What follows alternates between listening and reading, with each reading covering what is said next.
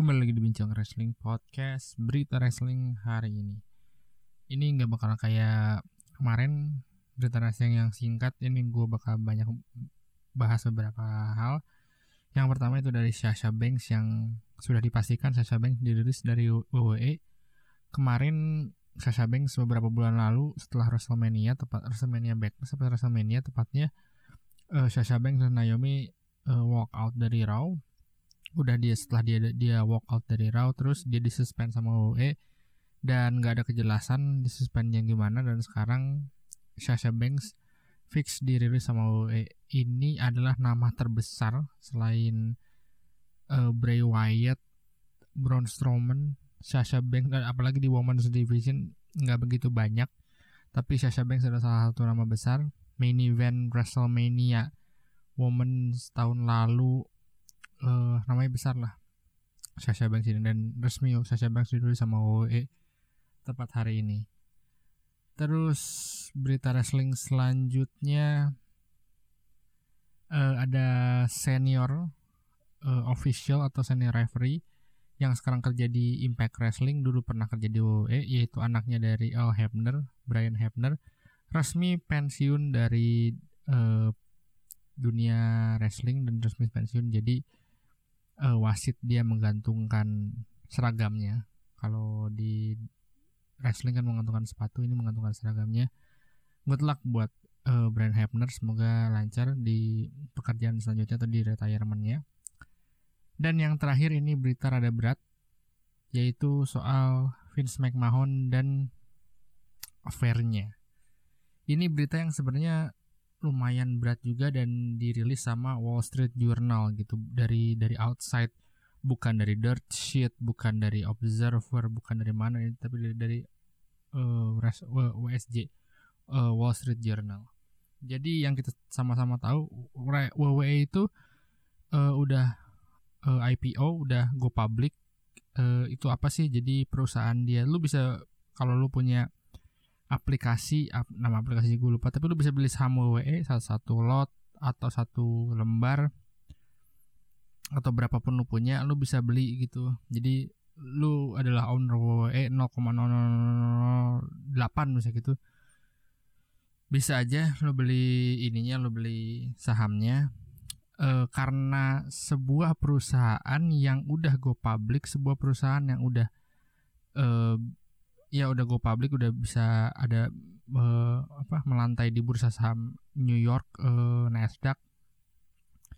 Jadi semuanya itu uh, ya harus open gitu dari mulai laporan keuangannya dari mulai uh, targetnya dari mulai bagi apa gimana uh, laporan keuangan laporan profil si apa namanya si perusahaannya dia dapat duit dari mana masuknya keluarnya kayak gimana kayak gitu gitulah. Pokoknya berusaha sama uang karena sensitif kan. Eh, makanya gue tahu sebenarnya bahwa itu lebih di uh, fokus di bisnis experience bukan bisnis wrestling.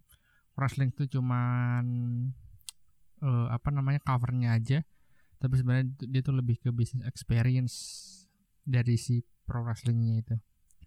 Nah uh, karena udah kayak gitu si WWE jadi ada kabar katanya kalau Vince McMahon itu pernah ada affair sama salah satu mantan pegawainya yang bukan juga pro wrestler tapi dia mantan pegawainya ini uh, orang legal. Terus uh, orang legalnya ini merasa jadi ada dua dua sudut pandang. Jadi orang orang si yang uh, apa namanya pegawainya ini nuntut karena merasa seksual harassment apa segala macem jadi si Vince McMahon harus ngebayar 3 juta dolar terus ada NDA non disclosure agreement jadi tertutup nggak nggak terbuka. Jadi secara di bawah layar di bawah meja aja gitu. Lu kalau nggak ngerti misalnya uh, lu nuntut perusahaan tapi perusahaan nggak mau ribut jadi udahlah lu dealnya gimana nih? Gue kasih duit ya oke. Okay.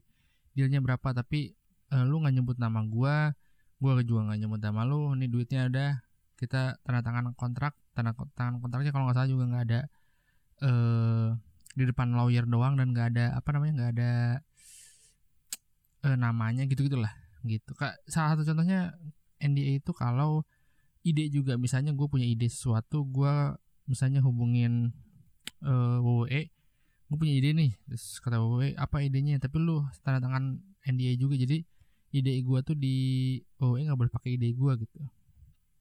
Eh uh, gitulah gue panjang kalau jelasin NDA nah terus udah udah tuh si NDA di tanda tangan dikasihlah si legalnya tuh 3 juta dolar gitu. Si pak si bukan si legal si pegawai itu dikasih 3 juta dolar.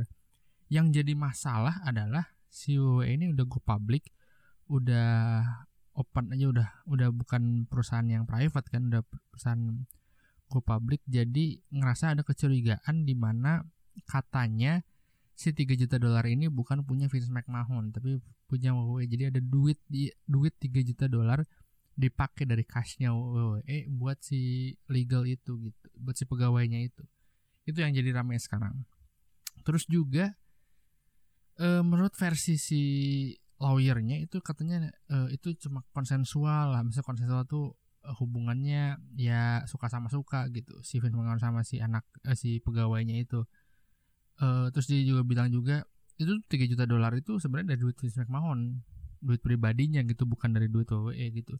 Tapi sekarang masih diinvestigasi semenjak katanya semenjak bulan April ada uang nih pakai sekitar 3 juta dolar tapi nggak tahu buat dipakai buat apa. Makanya jadi rame yang itu sekarang tuh tentang si itu. eh uh, terus di lini Twitter juga rame katanya wah nih si Nikan ngacak-ngacak kayak Game of Thrones WWE gitu kan dia apa apa pengusaha ya bisnismen banget lah profesional banget gitu.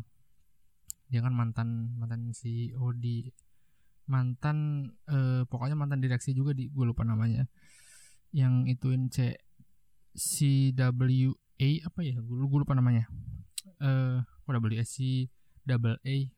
Pokoknya dia juga mantan ini mantan board lah dia juga. Nah tapi banyak orang bilang katanya Nikan ini mau ngacak-ngacak dan mau ngambil alih WWE Stephanie McMahon uh, sebelumnya itu si Shane McMahon pas Royal Rumble balik terus dipecat terus Triple H gantung sepatu tapi nggak ada hubungannya. Terus Stephanie McMahon juga udah cabut gitu dari WWE terus sisa ini apa Shane McMahon dan Triple H dan John Laurinaitis itu nama John Laurinaitis sebenarnya uh, mulai masuk masuk ke ke ambil ambil karena katanya dia juga yang ikut ikut campur gitu di maksudnya yang dia yang ngubungin sama si pegawainya apa segala macam gitu. karena yang kita tahu si John Laurinaitis itu udah kerja di WWE dari 2001 dan dia emang terkenal yes man-nya Vince McMahon banget gitu. Sempat disinggung sama si Empang juga kan dia kan yes man-nya si Empang banget lah. Eh kok yes man si Empang? Yes man-nya Vince McMahon banget gitu. eh uh, gitu. Jadi katanya Mbak Nikan mau apa namanya mau ituin McMahon family. Dan katanya sih gosipnya ini mbak masih gosip sih. Ini kan tuh mau ngejual WWE ke Disney. Karena kemarin sempat ada gosip besar WWE mau dijual ke Disney tapi nggak jadi. Itu gue nggak tahu kenapa. Tapi eh, sekarang juga katanya WWE sama Hulu udah mau udahan. Terus kontrak sama Peacock juga cuma lima tahun. Jadi ini gue nggak tahu gimana ke depannya eh, sebenarnya niatnya tuh WWE itu dijual ke Disney atau ke mana gitu gue gua nggak paham juga. Tapi kalau misalnya memang si McMahon turun ya misalnya si Vince McMahon atau McMahon family udah nggak ada gitu di jajaran board uh, apa board of directornya di WWE terus diganti sama Nikan jadi chairman of the board terus WWE dijual. Menurut gua sih ya memang yang bisa maksudnya gue ngelihat kayak WWE itu sebuah perusahaan besar yang ngebak uh, bukan ngebakar yang yang menghancurkannya sendiri ya uh nya sendiri gitu bukan dari orang luar lagi. Ya McMahon Vince McMahon lagi tapi nggak tahu lah kita lihat ke depannya. Tapi kalau misalnya ke depannya si Nikan memang karena Nikan ini kan orangnya kan bisnismen banget ya efisiensi lah apalah gitu. Jadi kayak sekarang aja jadi kayak NXT Star kalau nggak perform tiga tiga bulan cabut lo kalau zaman dulu kan beda ya kalau misalnya NXT nggak oh nggak nggak perform nih tiga bulan ganti lagi gimmick ganti lagi gimmick gitu. poin plusnya adalah ya kalau kayak gitu kita nggak bakalan ngeliat tuh orang-orang kayak John Cena, Randy Orton, Batista gitu karena mereka butuh waktu yang lama kan.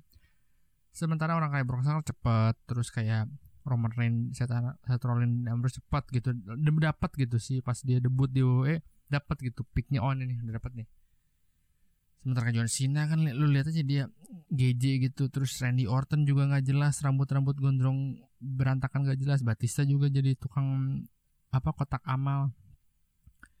Eh poin plusnya adalah di mana eh apa namanya jadi lebih cepat aja gitu. Eh lebih bisnis wise aja sih. Kalau poin minusnya ya kayak gitu. Kita nggak bakal lihat kayak gitu. Gitu jadi gue untuk berita wrestling hari ini. Sampai ketemu di bincang wrestling podcast berikutnya